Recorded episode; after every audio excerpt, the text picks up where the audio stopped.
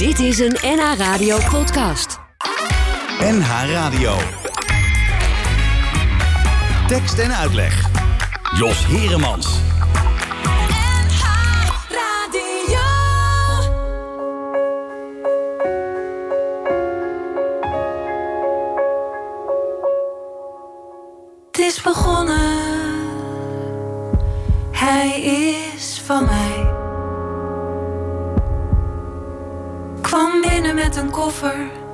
Zonder dat hij echt iets zei.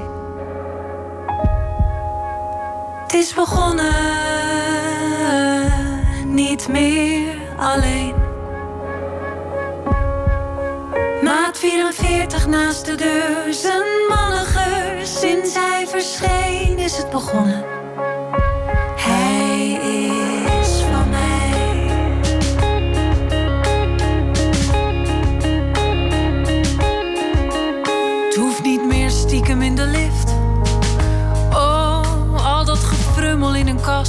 Nu mag ik hand in hand op straat en slapen op zijn blote bast. Hij is van mij. Kunnen uit eten, openbaar, misschien naar Azië op reis. Stel hem straks voor met Das mijn man en we gaan eindelijk naar Parijs. Hij is van mij. We mogen vrijuit fantaseren. Als ik de griep krijg, blijft hij thuis. Om stukjes fruit voor me te snijden. Zijn soep op mijn fornuis. Hij is van mij, van mij. Hij is van mij. Nu zit hij naast me op de bank. Het is wat onwennig dat dat kan. Op kantoor is hij de baas.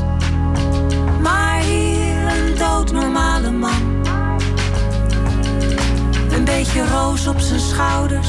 Zijn neus rood van de drank. Dat viel niet op naakt in de kast. Maar des te meer hier op de bank. Zijn doosje pillen op mijn plank. Geen idee wat hij mankeert. Heeft hij problemen met zijn hart? Zal je net zien, gaat het verkeerd. Hij is van mij. En hoe hij ruikt ochtends vroeg, met de slaap nog in zijn ogen. Dat doet me denken aan mijn vader, hoe een mond zo uit kan drogen. Hij is van mij, hij is van mij. Ik weet niet of ik van hem hou, eerst wel, maar nu het dan ook mag. Zie ik hoe kwetsbaar hij kan zijn. Als ik niet om zijn moppen lach. Ik weet niet wat dat is, een kapelaan. steeds weer in de lappenmand.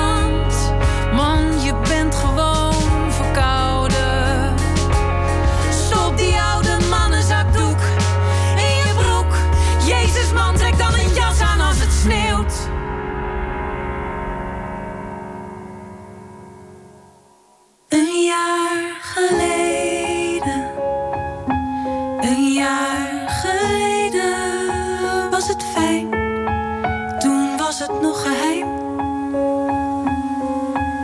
We gingen schuilen voor de sneeuw. En toen opeens waren we alleen. En daar waar niemand ons kon zien, een kus op mijn mond, alsof zij niet bestond. Nu zit je afwezig in je stoel. Geef het gewoon aan als er iets is. Ik zie dat je verdrietig bent. Denk je aan haar, dat je haar mist. Ze is de moeder van je kind, dat snap ik heus wel hoor, maar poe. Je hoeft haar niet altijd op te nemen. En als haar slaaf je naar toe, je bent van mij. Ze zit in al jouw kleine dingen, hoe zij vindt dat alles moet. De wc-bril netjes terug, ik ken niet één man die dat doet. Schrik niet meer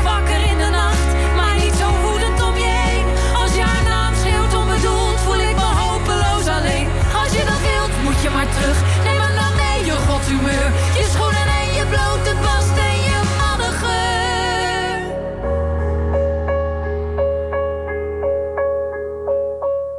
Sinds hij verscheen is het begonnen.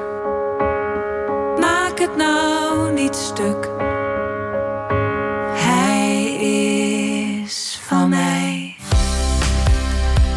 Hij is van mij. Jentel en de Boer, de winnaars van de Annie M.G. Smitprijs. Uh, afgelopen maandag was de bekendmaking van die prijs. En uit de zes genomineerde inzendingen vond de jury dit het mooiste lied. Nou, en daar kunnen we het natuurlijk alleen maar mee eens zijn. Hartelijke felicitaties gaan naar uh, Jentel en de Boer... met dit uh, wonderschone lied. Het vervolg van Het is over. En uh, daar zit je midden in tekst en uitleg. En uh, daarin hebben we vandaag natuurlijk ook gewoon weer een gast. Tekst en uitleg. Tekst en uitleg met Jos Heremans. Hans Aarsman, hij is uh, ja, voorheen fotograaf geweest. Hij schrijft en hij is uh, fotodetective, zo zou je het kunnen noemen. Uh, leuk dat je er bent, Hans. Ja, ik vind het ook heel leuk. Ja, het is best ingewikkeld. fotodetective, schrijver, ex-fotograaf. Wat voel je jezelf eigenlijk? Ik voel mezelf een soort nieuwsgierig onderzoeker. Die, ik hou erg van wetenschap, maar ik voel me niet zo gebonden door alle administratieve dingen die bij wetenschap horen. Dus ik ben wat vrijer. En, en ik vind het belangrijkste wetenschap eigenlijk het moment dat je de hypothese maakt. Dat je het verband tussen allerlei dingen ziet en dat je denkt: oh ja, dit is er aan de hand. En dat zat er altijd al in bij jou? Dat had ik uh, al heel vroeg, ja. ja. ja want uh, jij bent opgegroeid, denk ik, in Amsterdam. Ja. Hoe was dat? Hoe, was je, hoe zag jou, jouw jeugd eruit? Uh, katholiek gezin, slagerij in West, op de Hoofdweg school, Sint-Augustinus school, met broeders. Ja. Mijn zussen gingen naar de, de, de zusters, die zaten ernaast. En uh, ik was misdienaar in de Augustinuskerk, die is nu ook allemaal weg. Ja. Het is een brave katholieke jongen uit Amsterdam-West. Ik was, ik was uh, behoorlijk braaf, ja. Ik ben eigenlijk, mijn bevrijding is uh, Pietje Bel geweest. Mm -hmm. Toen dacht ik, oh, zo kan het ook. En toen ik puber was, dan was het Jan Wolkers. Oh, ja, zonder Jan Wolkers had ik echt heel erg braaf geëindigd, denk ik. Ja, denk je echt? Ja. Ja, maar ja, dat onderzoeken, dat, zat er natuurlijk wel in. Want mocht er in een katholiek uh, gezin wel uh, Jan Wolkers worden gelezen? Nee, nee, nee, nee, nee, nee, nee. Dat ging ook een beetje via een achterdeur. Ja. ja, en die heb je meegekregen op de middelbare school? Ja, toen, toen, is, toen is het allemaal begonnen. Ja, gewoon in een Nederlandse les. In een Nederlandse les. Daar, daar kwam het wel ter sprake. Het was niet zo dat je dat, dat die stiekem onder tafel. Nee, dat deze, dat deze niet zo. Nee, het was eigenlijk. Ik zat op de, bij de Jesuiten, het Ignatius College, maar dat was eigenlijk al behoorlijk vrij gevochten. En de paters, die waren al, jesuiten waren al zo'n beetje gemin. Ja, er waren maar een derde was nog jesuit. We kregen Latijn van een jesuit en volgens mij was het zo'n beetje en godsdienstles en muziekles ook van een jesuit en de rest waren het allemaal leken. Ja, die, en er gingen een heleboel traden uit in die periode ook natuurlijk. Ja, hè? of die kregen verkering, dat was van alles. Van alle mijn ouders die, die waren echt behoorlijk katholiek. Die, die, die, die, beten zich echt hun tong af dat ze. Ja. Ja, dat, is, dat, is misschien ook nog wel eens een keer iets om over te schrijven. Over die hele periode van, van, van hoe dat ging met die paters. En, en, en die er allemaal weer uit gingen treden in die tijd. Er zit wel een boek in, denk ik. Ja, maar niet, niet, gaat niet te mij worden geschreven. Nee, denk je niet? Nee. Oh, jammer. Nee, ik vind het een leuk onderwerp. Ja, ik heb ook op een school gezeten. Toen dacht ik altijd, ja, merkwaardig toch? Amsterdam ook? Ja, Amsterdam, Nicolaas Lyceum. Oh ja, ja. Dat, dat, was gelieerd eraan, toch? Ja, die waren wel, dat, dat waren ook Jezuïeten volgens mij allemaal. En er zat ook heel veel geld. En die zaten allemaal in dat, uh, in dat patershuis daarnaast. En dan had, had de een, het ene jaar had je dan les van bijvoorbeeld pater Lokkeveer. En het jaar daarna was het meneer Lokkeveer. Ja, ja, was er iets gebeurd. ja. In zijn geval ging hij met de huishoudster. Dat is ook wel heel apart natuurlijk. Maar goed, uh, dat zijn allemaal uh, zijwegen. Uh, jij bent uiteindelijk ben je, ben, je, gaan studeren? Want je zegt, ik heb altijd die onderzoekende geest gehad. Ja, biochemie ben ik gaan studeren. Biochemie? Ja. Jee, man. Ja. Dat, heb ik, vond ik heel leuk tot ik eigenlijk op laboratoria ging werken. En toen vond ik het een onderdeeltje van een onderzoekje... wat weer een onderdeel is van een iets groter onderzoekje. Weer, weer, ik vond het allemaal zo minimaal... Ja. En zo, eigenlijk zo saai, dat hele romantiek van dingen ontdekken... die, die kwam ik daar eigenlijk niet meer, helemaal niet tegen zeg maar voor de kandidaatexamen vond ik het heel leuk. Als je dan die, uh, hoe het lichaam werkt en zo. Maar hoe je daartoe komt, dat vond ik allemaal veel te lang duren. Dus toen ben ik ermee gestopt. Toen ben ik Nederlands gaan studeren. Oké, okay, dat was ook heel populair in die tijd. Dat was heel populair. was een grote. En uh, heb ik tijd voor de klas gestaan. En toen op een bepaald moment dacht ik ook, ja, dat, ik vind het leuk, maar toch te weinig te, te ontdekken. Dus Ja. toen, uh, ja, toen ben ik gaan fotograferen. En het was in eerste instantie heel bevredigend in die zin, Mhm. omdat je dan. Ja, je komt in allerlei werelden terecht, dus het is elke keer weer wat anders. Ja, fotografeerde jij ook als kind al? eh, met, met de klikklak, eh, de klak van je moeder of zo? Ja, een beetje, maar nee, niet echt. Nee, dat kan niet serieus nemen. Ja, we hadden thuis een boxje. Oh ja. Af en toe drukte ik ook wel op die knop, maar ik was niet. eh, nee. En wanneer is dat dan gekomen, dat, het oog voor fotografie? Eh, weet- ja.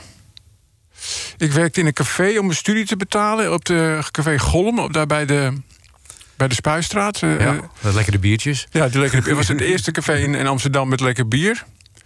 En ehm, ik raakte aan de praat met iemand die een fotograaf. En toen dacht ik opeens, hey, wat in- interessant. Toen studeerde ik eh, nog Nederlands.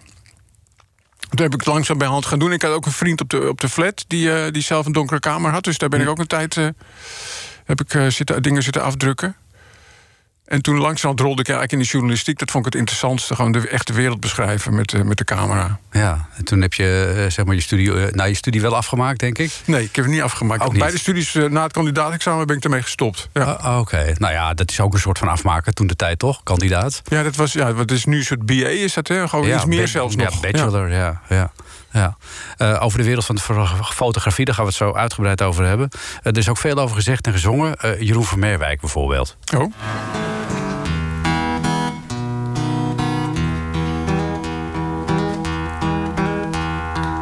Een Indiaanse veerbootramp. Een stampvol vluchtelingenkamp. Een NATO-luchtbombardement. Een uitgebrande kermistent. Of een afgehakte negerkop. Dat levert mooie foto's op. Dat levert mooie foto's op. Het negerkindje staat in brand. De fotograaf heeft alles bij de hand. Hij schat de afstand zorgvuldig in. Groothoeklens heeft hier geen zin. Zo'n man heeft heel wat aan zijn kop. Dat levert mooie foto's op. Dat levert mooie foto's op. Een foto is een serieuze zaak. De jury heeft dan ook een zware taak. Dat bloed dat uit die oren spuit, komt qua vlakverdeling niet goed uit. We moeten kritisch wezen aan de top. Dat levert mooie foto's op. Dat levert mooie foto's op. Heel eh, cynische Jeroen van Merwijk eh, over het vak van de fotografie. Of met name de oorlogsfotografie. Eh, heeft jou dat ook ooit getrokken om naar rampgebieden te gaan en daar te fotograferen, Hans?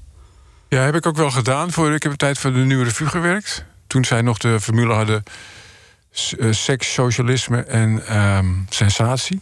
En ik Kijk. deed dat so- so- socialisme deed ik dan. Oh, dat is jammer. Ja, ja. Maar ik, ja, ik ben eh, zo naar bijvoorbeeld aardbeving in Italië geweest. Weet je wel, eh, taalstrijd in België, wat toen de tijd eh, vrij hard aan toe ging. Mhm. Met geweren en, en, en, en, ja, heftig. Dus dat heb ik al- al- allemaal wel gefotografeerd. En eh, ik heb ook wel kritiek op, op de, de, de persfotografie.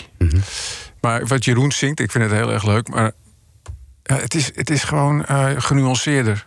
Het is gewoon genuanceerder. Je, die mensen die dat doen, hè, dat soort fotografie, die eh, zitten daar echt een gevoel met dat ze de wereld eh, een. Dat ze een verantwoordelijkheid hebben om het te laten zien. Dat is het eigenlijk. En, Ja, nu, nu maak ik hier, hier in het werk, hebben wij natuurlijk ook wat wij dan noemen de hard nieuws jongens. ja. Die bij de dag en nacht en ontijden erop uittrekken om vast te leggen wat er gebeurd is. Daar moet je wel een speciaal mens voor zijn, volgens mij. Ja. Ja, wat, wat, wat, wat voor soort mens is dat? Ik weet niet. Ik was er niet zo geschikt voor. Hmm. Ik, ehm, ik, heb, ik heb de neiging om me te veel te verplaatsen in, eh, in, in mijn onderwerp. Het Wat nu heel goed uitkomt in die rubriek. Omdat Mhm. als ik me verplaats in mensen die op een foto staan... dan kom ik er veel sneller achter wat er eigenlijk aan de hand is. Mhm. Alleen die fantasie al. Dus ik kan het, maar je moet een soort... eh, het, het, het, is, eh, het lijkt een soort eenzame hardheid, maar Mhm. het is ook weer heel sociaal, omdat je vaak met andere fotografen optrekt. Het is echt een. Mhm. Het is een eh, ze zijn allemaal, eigenlijk allemaal concurrenten van elkaar, maar ze, ze, ja, ze bewegen. Het is niet voor niks dat je vaak twaalf fotografen hetzelfde ziet fotograferen, Ja. omdat ze echt in groepjes of in bussen of onder begeleiding van. eh, Of in een persvak. ja, een persvak. Maar ook is echt in hardcore nieuws. Dus bijvoorbeeld in, eh, in oorlogsgebieden eh, eh, gaan ze vaak met z'n allen op stap om een risico van ja, een soort konvooi eigenlijk. Ja, ja, ja. Vond je dat, heb je je daarbij onveilig gevoeld ooit? Of ging jij naar de klussen toe waarbij het toch wel redelijk zeker was dat je er ook wel levend van afbracht? Ja, dit levensgevaar is bij mij nooit, is nooit een ding geweest. Nee, nee. Vermeed je dat zelf? Had je, of had je die drang helemaal niet om naar dat soort gebieden toe te gaan? Het leek me een heel spannend idee, maar het is er nooit van gekomen eigenlijk. Nee, Hm. bij de Nieuwe Revue. Nee. Nee, en, en, eh, bij andere bladen of kranten? Ja, de, de Volkskrant hadden ze... ging wel eens iemand naar het buitenland, maar ook niet zo vaak. En het was meer eh, weggelegd voor de echte stafmedewerkers... die ook verzekerd waren, weet je wel. En ik was gewoon een freelancer. Ja. En wa- wat, was je eerste klus? Kun je dat nog herinneren? Want dat lijkt me wel als je iemand bent die eigenlijk voor de eerste keer zijn, eh, ja, zijn fototoestel oppakt. En dan, ja, dan moet je dus op zoek naar werk. De eerste foto die in de Nieuwe Revue kwam... dat was een foto van de eh eh, Vondelstraat. De uh, in de Vondelstraat. Daar was ik gewoon toevallig. En toen zou ik al die taal... Toen was ik, had ik al zelf gefotografeerd, al gedeeltelijk. Dus ik lag daar al, die spullen lagen er al bij hun... en ze waren geïnteresseerd. En toen kwam ik, fotografeerde ik een vriend van mij, Harry Meijer... die ook fotograaf was, die een klap voor zijn kop kreeg. Oké. En van de politie. En, toen, en die is in de Nieuwe Revue gekomen toen. Oké, wat leverde dat nog wat op? Of eh, was dat meer een soort eh, introductiefoto? Bedoel ik Financieel? Ja? Ja, van de Revue betaalde goed. Ik weet echt geen bedragen meer, Nee. maar die betaalde goed. Net als de Volkskrant, die betaalt ook nog steeds... steeds vergeleken andere bladen gewoon heel goed. Ja. En dacht je toen van dit, dit wordt mijn vak na die eerste foto? Ja, ik vond het echt te gek. Ja. En heb, heb je toen verder nog verslag gedaan ook van die krakersrellen? Want dat was natuurlijk wel prachtig eh, materiaal wat je daar kon schieten. Ja, ik ben het toen... dat is heel grappig. Ik heb, eh, toen ben ik naar huis gegaan, de camera weggelegd... en toen ben ik er gewoon eh, als eh, ja, opstandeling ben ik er naartoe gegaan. Toen heb je een steen gepakt. Eh, ik had wel stok bij me, ja. Oké, ja. Maar ik heb ni- niet meer echt in die rellen gezeten. Want Nee. was het gewoon weer voorbij. En, dus toen, toen die tanks kwamen, die heb ik ook nog wel gefotografeerd. Dat was de volgende dag, weet je nog? Dat die tanks over de overtoom kwamen binnenrollen. En, het, en een tram Daar ben ik nog wel bij geweest. Het was, het was wel een idiote tijd. Dat kunnen we ons bijna niet meer voorstellen dat dat nu weer zou kunnen gebeuren. Nee, ik vind het ook wel een opluchting, omdat je in je geheugen denk je dat het vroeger veel rustiger was. En Mhm. dan denk je, wat gebeurt er nu allemaal? Weet je wel? En het is eigenlijk nu veel beheerster. Ja, bedoel, wij, wij klagen nu wel over eh, boeren die met trekkers eh, eh, het Malieveld onveilig maken. Maar toen de tijd had je die Jantjes die de dam schoonveegden. De, de, de, de telegraaf oproer, de krakersrellen. Ik bedoel, het is easy peasy tegenwoordig. Ja, bomaanslag op Telegraaf, Ja. Urkers die, die pers in elkaar slaan. Ik bedoel, er gebeurt wel het een Ja, en ander, maar het is, wel- het, is niet, het is niet erger dan dat het was. Nee, dat is, nee. En daarom mag ik er graag aan terugdenken aan die periode. Ja, ja. En aan de tijd van fotorolletjes, denk ik. Ik denk dat er ook wel een zekere mate van nostalgie nog bij jou leeft. Van dat je zelf je foto's ontwikkelde en dat je nog echt, eh, echt eh, niet, niet digitaal werkte. Of is dat helemaal ik, niet ik zo? vind- digitaal heb ik al, zie ik als, echt als een bevrijding. Hmm, toch wel. Maar dat, ik, dat weet je, dat- je hebt veel mensen die zeggen... Ja, ik vind het altijd zo'n mooi moment als die foto opkomt in de ontwikkelbak... heb ik nooit gehad. Ik denk, het, oh ja, die wordt veel te donker. Oh ja, die blijft veel te licht. Dus ik, ik zag het alleen maar als een, in, iets wat moet worden gedaan. Oké. Net als tanden poetsen. Ja. En ik, de romantiek heb ik van de donkere kamer. Ja, dat, het was wel leuk dat je... Ik heb daar bijvoorbeeld opera leren, leren verhouden van opera in de donkere kamer. Echt waar? Ja. Er zitten uren in de donkere kamer. En dan eh, een begon ik gewoon Wagner te draaien. Dan had ik rustig een opera van vijf uur achter elkaar opstaan. Ja, je kan niet de hele tijd die popliedjes, daar word je helemaal gek van. En radio ook, als je te lang erin zit. Dat eh, gaat met je vandoor in die reclames er tussendoor. Dus je begon echt opera te draaien. Ja. Ja. Nou, grappig dat je op die manier de, de opera ontdekt hebt. Ja. Had je nog een favoriet die je altijd opzette? Nou, ik hou ontzettend van Puccini. Hmm. Dat vind ik, geloof dat, dat ik wel het, het mooiste. Maar Wagner vind ik ook heel erg mooi. En, Ja. eh, en, en natuurlijk Verdi vind ik ook, eh, vind ik ook ja. Ja, Amsterdam is een opera. Het kan bijna niet. eh, Opera Pietje. opera Pietje, ja, wie kent hem En niet? dat is zo'n leuk programma. Dat is niet meer, toch? Nee, dat, is is een leuk meer. programma. Ja, ja, jarenlang hier gewerkt. Ja, ja, Piet, ja. Hij staat nog steeds op de markt, denk ik. Is het zo? Ja, volgens mij wel op de Noordermarkt altijd. Ja, heel apart met zijn platen. Ehm, voor een goede foto. eh, ik, ik, ik zat er te- in de voorbereiding op dit programma zat ik te denken van. Wat wil je nou zien op een foto? Hè? Dingen die je ziet in een foto kun je soms ook in een lied vangen. En toen dacht ik van iemand die dat heel goed kan, dat is Spinvis. Ik, moet je me even, ik laat het jou horen en ik zie meteen voor me wat er gebeurt.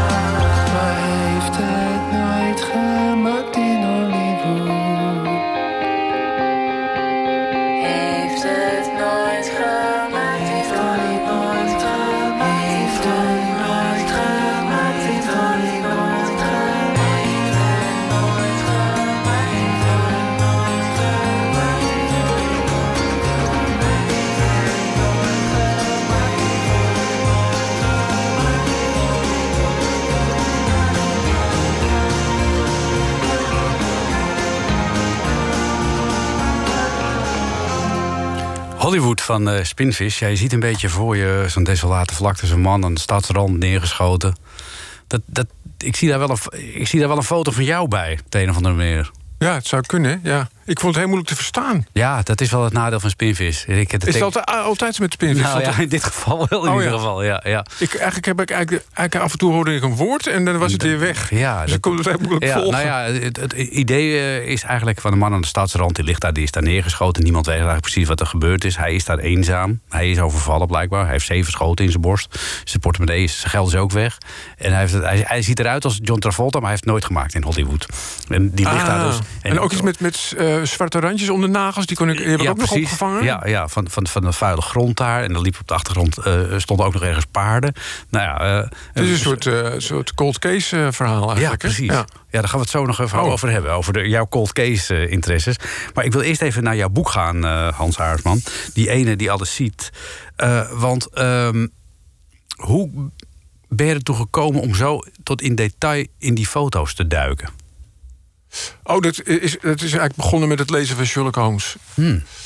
En ik, ik fotografeer al een tijd niet meer. Ik was al veel meer aan het schrijven. En toen was ik ergens waar ik me verveelde... en er lag een boek van eh, Sherlock Holmes. Eh, gewoon de Adventures of Sherlock Holmes, een penguin-uitgave. En ik de hele tijd dacht ik, ja, daar ga ik niet aan beginnen. Je kent die verhalen al, weet je, wel. je kent ze van film... en dan moet ik ook nog eens een keer gaan lezen. Maar toen ik er eenmaal aan begon, was ik gewoon onmiddellijk verkocht. Het is heel geestig en scherp en, en snel. En, en zitten heel veel observaties bij over hoe je gewoon detectivewerk doet. Dus eh, het, is echt, het is heel intelligent gemaakt. Ja, het is dus ook gewoon een soort handboek voor de detective. Ja. Ja, bijvoorbeeld een van, de, een van de grote statements vind ik nog steeds van, eh, van Holmes is... eh, nothing makes a case as clear as stating it to somebody else. Dus eh, als je het aan een ander vertelt... dan eh, komen er weer nieuwe ideeën over wat er aan de hand is in je hoofd op. Dat is wat ik de hele tijd meemaak. Ook daarom Ja. vertel ik ook vaak waar, waar ik mee bezig ben. Ja. Dan kom je er op weer, nu krijg je weer nieuwe inzichten van. en zo zit het helemaal vol. Ja, ja. Waarom ben je eigenlijk gestopt met fotograferen halverwege de jaren negentig? Ik, ik had moeite met esthetiek. Dus ik, ik hou. ehm, ik vind, wat, van, ik, van, van fotografie vind ik interessant dat je gewoon kunt zien hoe de wereld eh, eruit ziet als je hem stilzet. En hoe meer je kan zien, hoe liever ik het heb.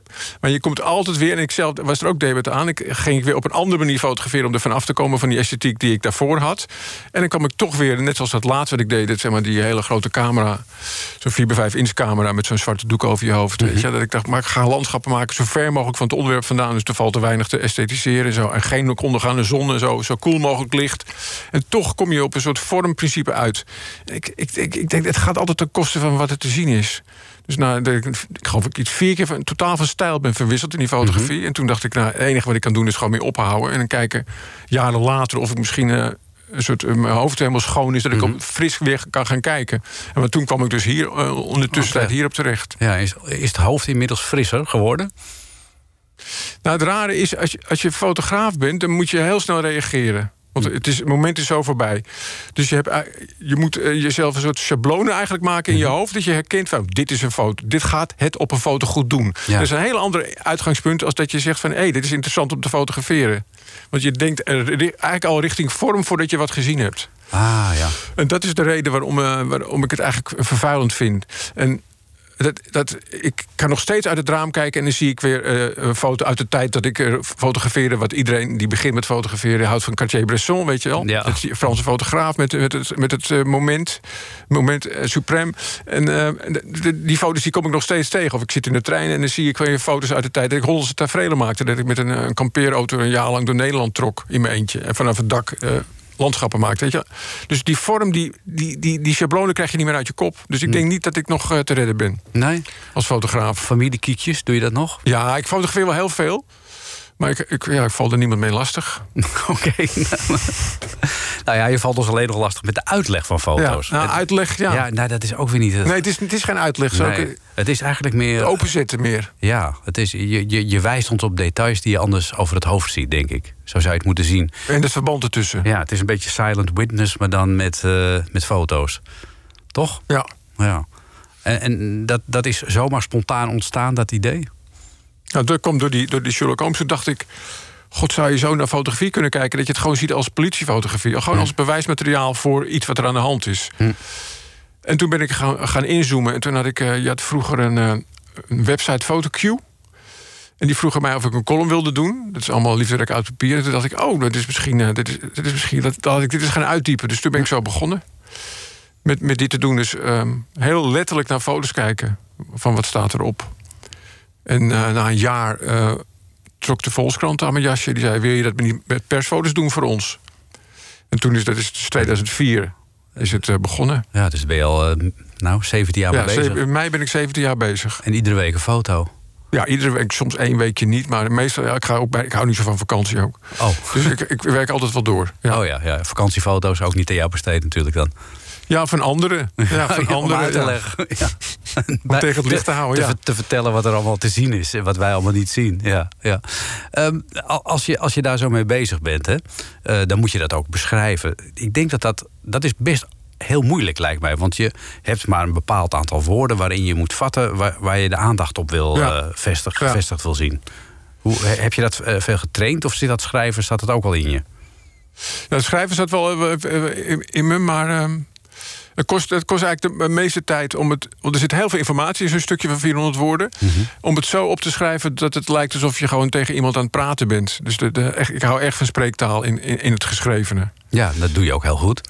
Ah, dank je, ja. En, en, en, ehm, dus de- ja, dat, dat kost heel veel, dat kost heel veel ehm, proberen. Daar eens- word je natuurlijk steeds handiger in.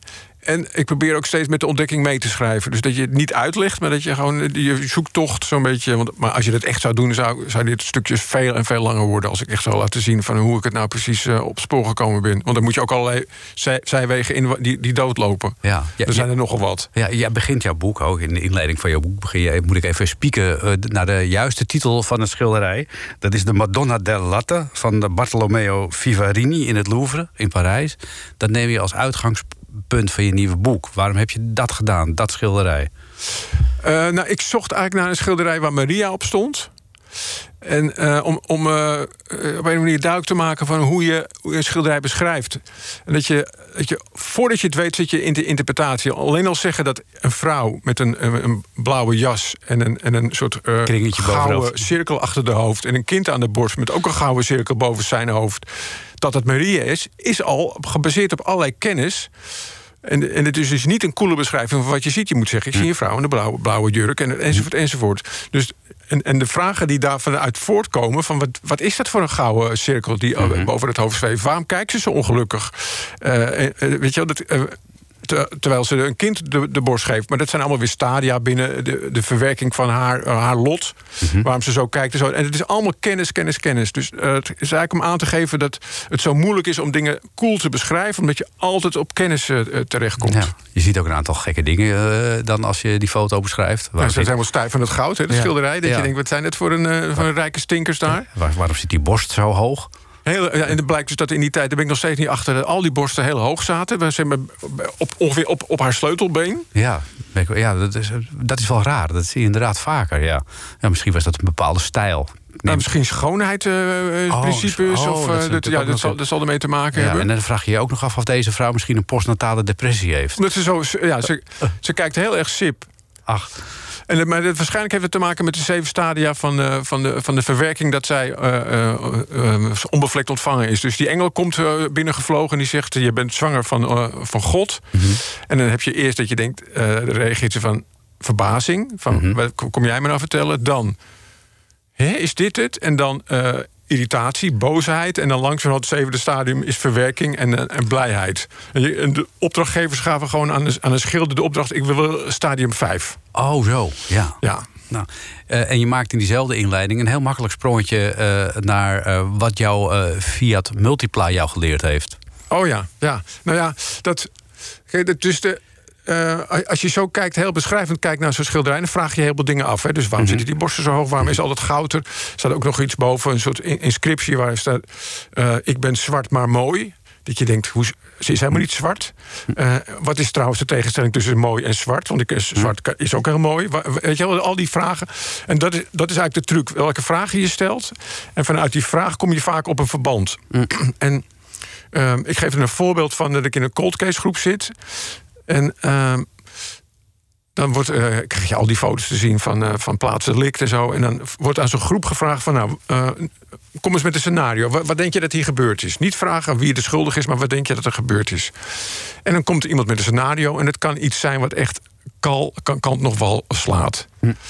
En, en de truc is dat je dan ook weer niet gaat zeggen van... Uh, ja, sorry, maar dit kan niet, hier en hier en hierom. Dat, dat, dat is wat iedereen gewend is. Hè. Dat is elk actualiteitsprogramma, alle argumentatie op verjaardagen... gaan altijd zo. Ja, nee, dat kan niet, want... Ja. Nee, je moet zeggen, oh, interessant.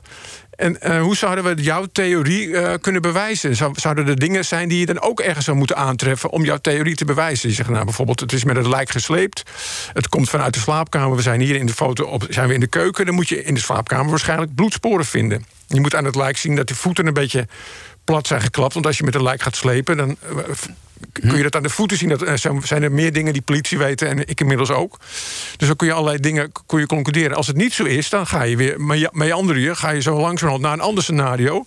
En door die houding dat je dat scenario ook weer zegt... oké, okay, oh, nou, misschien is het ook wel een interessant scenario. Hoe zouden we dat kunnen bewijzen? Kom je uiteindelijk binnen... Echt, echt het is een wonder, Jos. Binnen ja. 2,5 uur kom je gewoon op een, op een geniaal scenario. Wat een, eh, door die houding, hè? Dus dat niet het Nederlandse uh, argumenteren. Nee, precies Ja, nee, want. Ja, al, al die, al die uh, redenen waarom dingen niet kunnen. Dat vinden, van dingen vinden. Ja, dus denken in mogelijkheden en niet in moeilijkheden. Zoals wij misschien geweest ja, zijn. Ja, en ook niet in opvattingen denken. Dat, hm. dat is, weet je, we gaan al heel snel altijd... kan dat wel? En weet je, dat, dat, dat allemaal niet. Ja, en bij deze foto, voorbeeldfoto die je dan gebruikt... ligt er een lijk naast een auto. En daar een, een man in een wit shirt. Op dat shirt zijn... ja, afbeeldingen waarvan... Uh, ja, een soort rooster. Een ja, een soort, soort, soort wafelijzer. en uh, daar ontdek jij iets. Ja, iemand uit de groep die roept dan... oh, hij is met een tosti-ijzer geslagen. Want het is echt zo'n soort raster van een tosti-ijzer, lijkt het wel. En dan denk je, ja, hoezo tosti-ijzer? Dat zeg je niet. Zeg, hoe, hoe zou we dat kunnen aantonen? Nou, dan ga je denken, zou er ergens een tosti-ijzer in de buurt te vinden zijn? Gaan kijken wie het is. Misschien werkt hij wel in een poffertjeskraam. Je moet, je, al die opties moet je allemaal openhouden. En, en heel vaak is het zo, als zo'n groep dat dan doet... Dan, bij mij valt er bij iemand een kwartje. Uh, die uh, weer helemaal buiten dat scenario zitten. Bij mij viel toen het kwartje, want ik heb een tijd met een Fiat Multipla gereden. En het is een heerlijke auto, met, kun je met z'n drieën voor in zitten. Sommige mensen vinden hem lelijk. Ik vond het wel meevallen. En, um, die, die, maar hij heeft een karter, dat is de, die pan aan de onderkant van een motor... waar de olie in terechtkomt. Ja, nadat hij de hele, alle onderdelen gesmeerd heeft... wordt hij weer naar boven gepompt en dan druppelt hij weer naar beneden. Zo blijft die motor gewoon heel. En, en zo'n karterpan die wordt ook warm... Mhm. door, die, om, door de hitte van de motor. En daarom zitten de koelribben op. Dus die moeten ook gekoeld worden. En die koelribben hebben een bepaald patroon. En ik, omdat die multipla de karterpan heel laag heeft... en elke keer als je verkeersdrempel... dan moest je ontzettend oppassen, heel langzaam... want anders klapt die karter op die verkeersdrempel... en dan kun je weer naar de garage. Dus ik weet heel goed hoe de karterpan van een multipla eruit ziet... en van die koelribben. En toen dacht ik opeens, hé, hey, dat is misschien is het wel... is die man overreden door een auto... met precies dat patroon op de karterpan. Aha. En toen kwam ik er langzaam achter dat het een uh, Renault Clio moet zijn geweest. Ja. Maar het was in Amerika, die foto. Daar rijden geen Clio's. Daar rijden geen Clio's. Maar toen kwam ik erachter dat uh, uh, Renault een hele tijd... en nou, sowieso geen Renault's... maar Renault heeft een hele tijd motoren geleverd aan de Kia. En die, hebben wel een hele, die zijn wel in Amerika verkrijgbaar. Dus waarschijnlijk is die man door een Kia overreden. Kijk. Met het type erbij. Niet te geloven. Ja, leuk hè? Ja. Gewoon omdat je niet tegen iemand zegt van... ja, maar nee, dat kan niet, want... Ja, allemaal dit soort dingen zijn dus te vinden in uh, het boek uh, Die ene die alles ziet. Uh, nou, nog maar een nummer over fotografie. De tekst is van Ivo de Wijs. Het wordt gezongen door Joep van het Hek. En de muziek is van Ton Scherpenzeel. Het komt denk ik uit, nou, ergens jaren 70. Het heet Niet Verbaasd.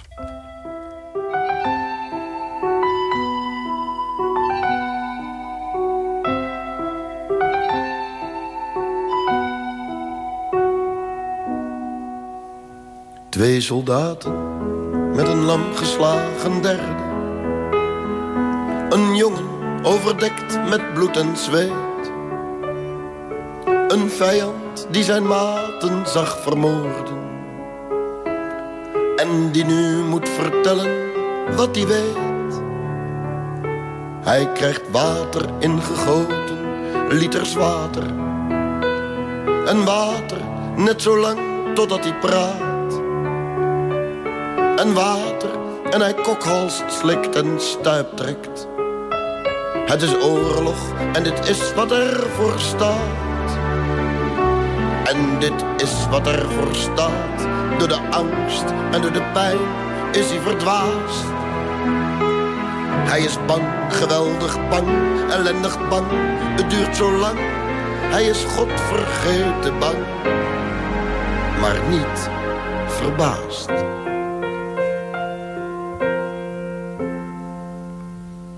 De soldaten halen nog een nieuwe emmer.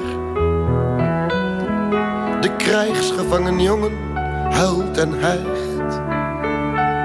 Ze schieten hem pas dood als hij gepraat heeft. En ze martelen hem dood zolang hij zwijgt. De oorlogsfotograaf kijkt door zijn zoeker. En zegt dan, ach, til zijn hoofd een tikje op. Nee, sleep hem iets naar voren. Uit de schaduw. Nog een meter. Ja, nog een halve meter. Stop. Nog een halve meter, stop. En zijn vinger zoekt de knop. Want hij heeft haast. Ja, nu giet. Ja, dit is hem. Ja, verdomme nog aan toe. Hij is prikkelbaar en moe. Maar niet verbaasd. En de foto haalt de krant. Een eenkoloms berichtje staat ernaast. En wij zien het en wij lezen het. Gewoon aan het ontbijt tot een diepe zucht bereid. Maar niet verbaasd.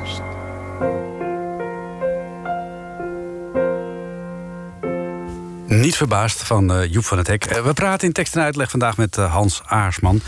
zijn nieuwe boek, De ene die alles ziet, bevat allerlei foto's die hij als een ware fotodetective ja, aan ons expliceert, om het zo maar te zeggen.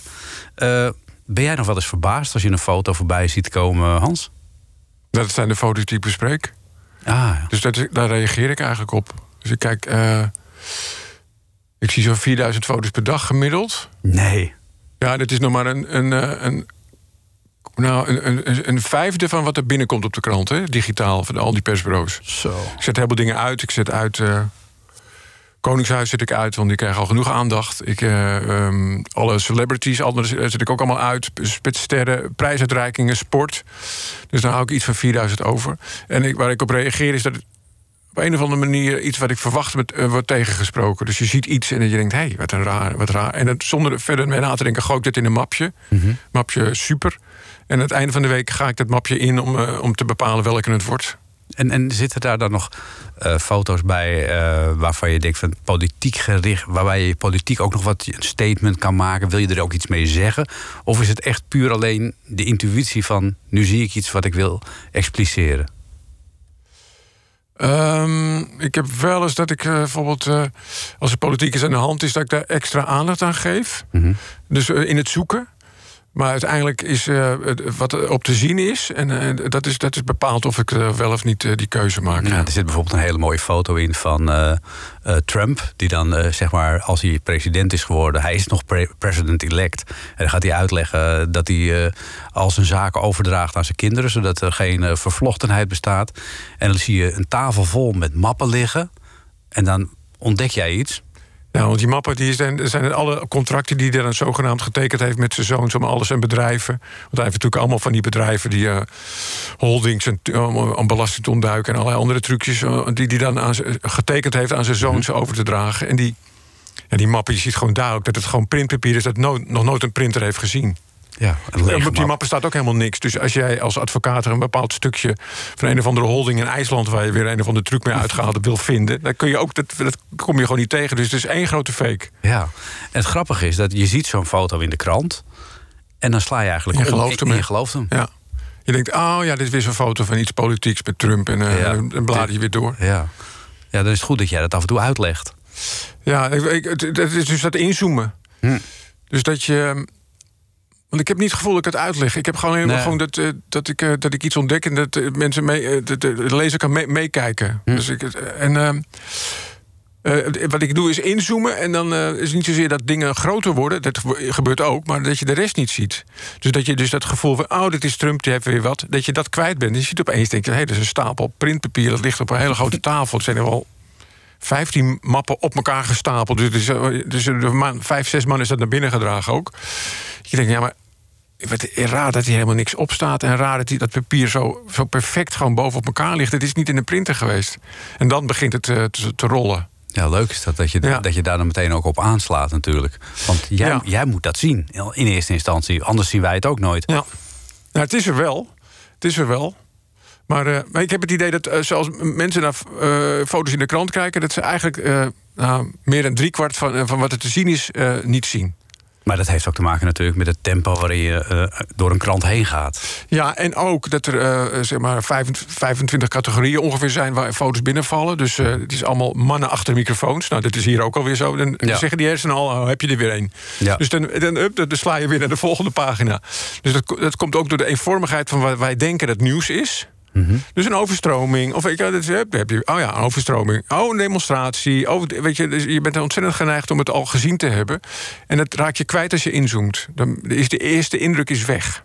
En hoe eh, ga je dan op ontdekkingstocht verder? Want je, je ziet iets eh, en dan wil je inzoomen. Maar sommige dingen kun je ook niet verklaren. Er kan- Er kan ergens een teken staan of een logo waar je iets. Hoe, hoe, hoe vind je de oorsprong daarvan om het in de context te plaatsen? Nou, ik probeer altijd eerst, dat is eigenlijk het eerste. Ik heb niet zozeer een protocol ervoor, maar dat gaat vrij intuïtief. Altijd eerst te bepalen van waar is de foto genomen. Zodat je de indruk hebt van hoe die straat eruit ziet. eh, en vaak omdat de foto is maar een gedeelte van de werkelijkheid. En je fantaseert de rest er gewoon bij, hè? Dat doen mensen.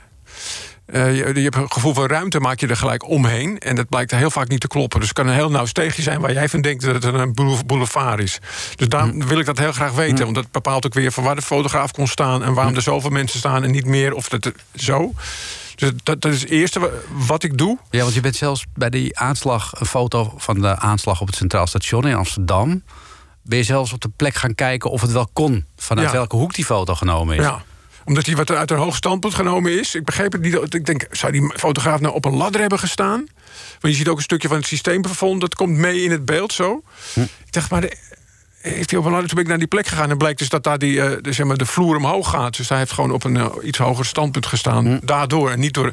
Het is natuurlijk heel raar om een trapje te pakken als er een aanslag is. Want Ja. die, die jongen die die aanslag pleegde, die, die, eh, die ligt er nog steeds. ja, die moet moet je wel koelbloedig zijn. ja. Plus dat je dat ding bij je moet hebben op dat moment. Ook nog eens een keer, ja. ja maar dat doe je niet dagelijks, denk ik. Naar de plek gaan waar die foto genomen is. Toevallig omdat dit in Amsterdam is Ja, natuurlijk. alleen, alleen omdat het in Amsterdam Ja, is. ja, Ja, ja. Eh, die kans mag je dan niet laten liggen. Nee, zeker niet. Maar eh, we waren gebleven. Oh ja, dan ga je dus kijken. Je gaat eerst kijken eh, waar is die foto genomen en dan. Dan bijvoorbeeld vind ik eh, eh, een bepaald winkel of een bepaald bedrijf dat er in de buurt is. Dan ga ik daar op, op onderzoek van wat, wat voor winkel is het, waarom staan die mensen daarvoor. Eh dan ga ik kijken de dag van het, van het jaar. Misschien zijn er andere mensen die foto's hebben gemaakt op die plek. Eh, Misschien wel op so- social media. Dus dat zoek ik ook altijd uit.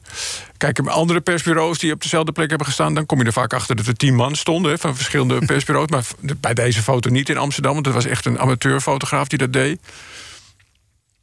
Dus dan, eh, dan krijg je van meerdere standpunten eh, krijg je beeld. En dan, dan ehm, ga ik kijken eh, naar veranderingen ten opzichte van wat daarvoor gebeurde, historische dingen, dus hoe het er vooruit zag. Nou, zo, zo, zo blijf ik doorbeduren tot ik steeds meer info heb. Door het inzoomen ook. Ja. Details die je ziet. En op een bepaald moment zit het hoofd vol. En dan uh, gooi ik die emmer leeg. En dan, uh, en, en, dan vallen er allemaal letters op het papier. En dan staat het er? Ja, ik wil heel veel schuiven. Heel Ja? veel schuiven, ja. Ja, ook herformuleren. En dan denk ik, ja, dit, is net, dit formuleer je net alsof je ervoor gestudeerd hebt. Weet je wel? Het moet spreektaal zijn. Dus, uh, en die informatie, hoe je die gewoon uh, druppelgewijs er tussendoor... Uh, ja. Heb je ook wel eens dat je denkt van... oh, maar nu zie ik in tweede instantie iets wat veel leuker is nog om uit te zoeken? In dezelfde foto? Ja. Ja, dan, dan, dan doe ik dat ook. En dan, dan gaat mijn theorie naar de Radsmodee. En mijn vriendin doet, flikt dat ook heel vaak. Oh ja? Als ik dan zo min of meer alles in de stijger staat... dan uh, komt zij langs en dan... Uh, dan ziet ze opeens iets waardoor ik weer overnieuw kan beginnen. Dat is ook altijd heel grappig.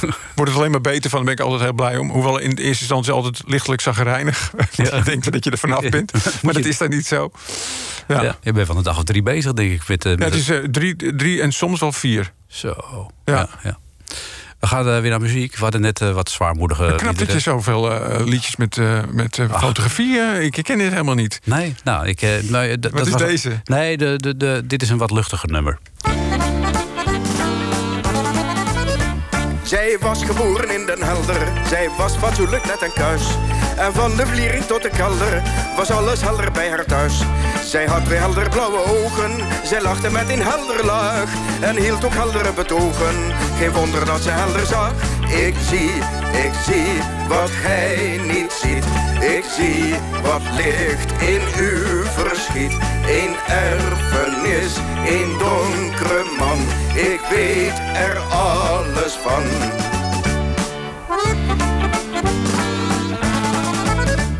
Zij had als knappe helderziende een uitgebreide klantenkring. Van danseres tot bankbediende, van sloof tot roeivereniging. En zij voorspelde naar believen, haar voorspel was altijd prijs. Voor postbesteller zag ze brieven, voor zeelui zag ze meester reis. Ik zie, ik zie wat gij niet ziet. Ik zie wat ligt in uw verschiet. Een erfenis, een donkere man. Ik weet er alles van. Bye. Zij wist waarvoor ze zich moest wachten. Het water zou haar noodlot zijn. Dus meet zij meer en zee en grachten. Het bad, de brandweer en de Rijn. En desondanks het zal u spijten. Verraste eenmaal haar de dood. Doordat zij haastig moest ontbijten. En stikte in een waterbrood. Ik zie, ik zie wat gij niet ziet. Ik zie wat ligt in uw verschiet. Een erfenis, een donkere man. Ik weet er alles van. Zij zag, zij zag wat niemand zag. Maar ach, voor haar kwam toch in dag dat zij het niet precies kon zien. Heeft u dat ook misschien?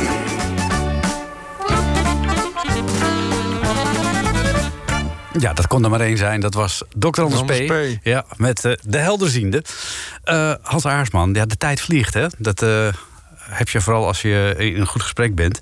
Eh dus er ligt een heel nieuw, mooi nieuw boek van jou. eh, met die eh, prachtige, eh, ja... eh, privé-detective-achtige omschrijvingen van wat je op foto's ziet. Maar je, je zei net al eventjes, je zit ook in een cold case team van de politie. Wat Ja. is dat? Ehm, ja, het is heel leuk om het. Of leuk, ja, het is. ehm, om het, eh, kijk, wat ik doe is natuurlijk heel vrijblijvend. Er, er wordt niemand vrijgesproken of opgepakt door wat ik doe. en daar, en daar eh, in zo'n cold case team wordt het opeens heel scherp. Hm. Terwijl je aan de andere kant toch je, eh, je, zeg maar, je vrije manier van denken eh, Mhm. moet, moet vasthouden. Om op een, op een goede scenario's te komen van wat er aan de hand is. Ja, Wij denken niet zo vaak na over wie de schuldige is, maar alleen maar wat is er nou gebeurd. precies gebeurd. En daar rolt dan vaak wel iets uit, maar eh, het, dat is niet het uitgangspunt. Kun je zaken noemen waar je aan hebt meegedacht? Nee. Jammer. Nee, nee, nee, nee, nee, nee, dat is allemaal. Dat eh, zou wel nee. mooi zijn, ja. Maar ondertussen blijf je ook gewoon doorgaan met het eh, ja, analyseren van, van foto's. Van al die enorme stapels die dagelijks binnenkomen. Ben je dat van plan nog jaren te gaan doen? Of heb je zoiets van, nou, ik moet er op een gegeven moment ook wel een punt aan draaien? Nou, ik, ik ben iemand die sowieso niet zo lang iets doet. Meestal. eh, 17 jaar doe je dit nu, hè? Ja, dit is, dit is echt een uitzondering. Oké. Echt een uitzondering, want ik weet met fotograferen ook... dat ik om de twee jaar weer een andere stijl had. Of eh, ja, baantjes heb ik ook nooit lang volgehouden. Was ik altijd weer weg na een tijdje. Dus dat, dat ik, dit, dit is elke week eigenlijk een andere, iets anders. Dus eh, ik, ik blijf het heel... Ik, ik, eh, ik zou het me, tot aan mijn dood willen blijven doen, dit. Maar ik heb soms wel het idee dat eh, de, de toekomst is nu met het deepfake... dat is dat eigenlijk alles manipuleerbaar wordt dat het, dan wordt het wel ingewikkeld wat, ik- wat ik doe. Want het is, ja, ik ga toch uit van dat er wat op een foto staat, dat het gewoon Echt is. Echt is, ja. Hm. En eh, ben ik wel geïnteresseerd als, als dat, eh, die, zeg maar, de fictie oprukt in, in documentaire fotografie, wat er dan gebeurt met eh, wat je ervan kan zeggen. Ja, waarheidsvinding wordt dan wel heel moeilijk. Ja, en of het ook mogelijk is om, eh, om, het, om het ook te zien. Die, misschien dat de software komt, er is er nu al op gewoon fotomanipulatie om te kijken of er met die pixels gerotzooid is. Die software bestaat. In hoeverre dat ook kan met deepfake. Eh, Als die computers echt nog heel veel dieper en sneller kunnen rekenen, of je dat kan bijhouden. Ben ik ook erg geïnteresseerd. Dus ja, alles wat er gebeurt, ik, ik ben er graag bij. Ja, voorlopig zijn we nog niet eh, van jou, Je bent nog eh, niet van me af, Van jou af. Eh, gelukkig maar. Die ene die alles ziet. Het ligt nu in de boekwinkel. En iedere donderdag is het, meen ik, Ja. in de Volkskrant een foto waar Hans Aarsman induikt, op een detail ingaat. En dan vervolgens je meeneemt naar wat er allemaal achter zit en wat er zich heeft afgespeeld en waar het dan weer vandaan komt. Een ontdekkingstocht op donderdagochtend kun je dus iedere donderdag maken. Ik vond het hartstikke leuk dat je er was, Hans. Ik ook. En ik wou dat we veel meer hadden. genoegen. Maar eh, ja, tijd is tijd en is zo voorbij. Dankjewel. Oké. Ja, gezellig. Nou, het was eh, zeker gezellig. En eh, Hans Aarsman die, vond het ook heel gezellig. Ik zie hem knikken. En eh, straks na zessen wordt het nog veel gezelliger misschien wel... met eh Ferdy Bolland en het eh, Gouden Hits Museum. En deze uitzending kun je ook eh, terugluisteren via nhradio.nl... of als podcast eh, via dezelfde site nhradio.nl... of natuurlijk via de bekende podcastkanalen. En ik eh, stuur de zaterdagavond natuurlijk niet in... zonder een versje uit de bundel Lichte Versen in Zware Tijden. Het is echt, echt, echt niet gelogen. Maar Mark Rutte heeft nog nooit iemand bedrogen. En wij hebben geen dictator of een tsaar. Wij worden geregeerd door een machtsbeluste leugenaar. Ik wens je nog een gezellige zaterdagavond.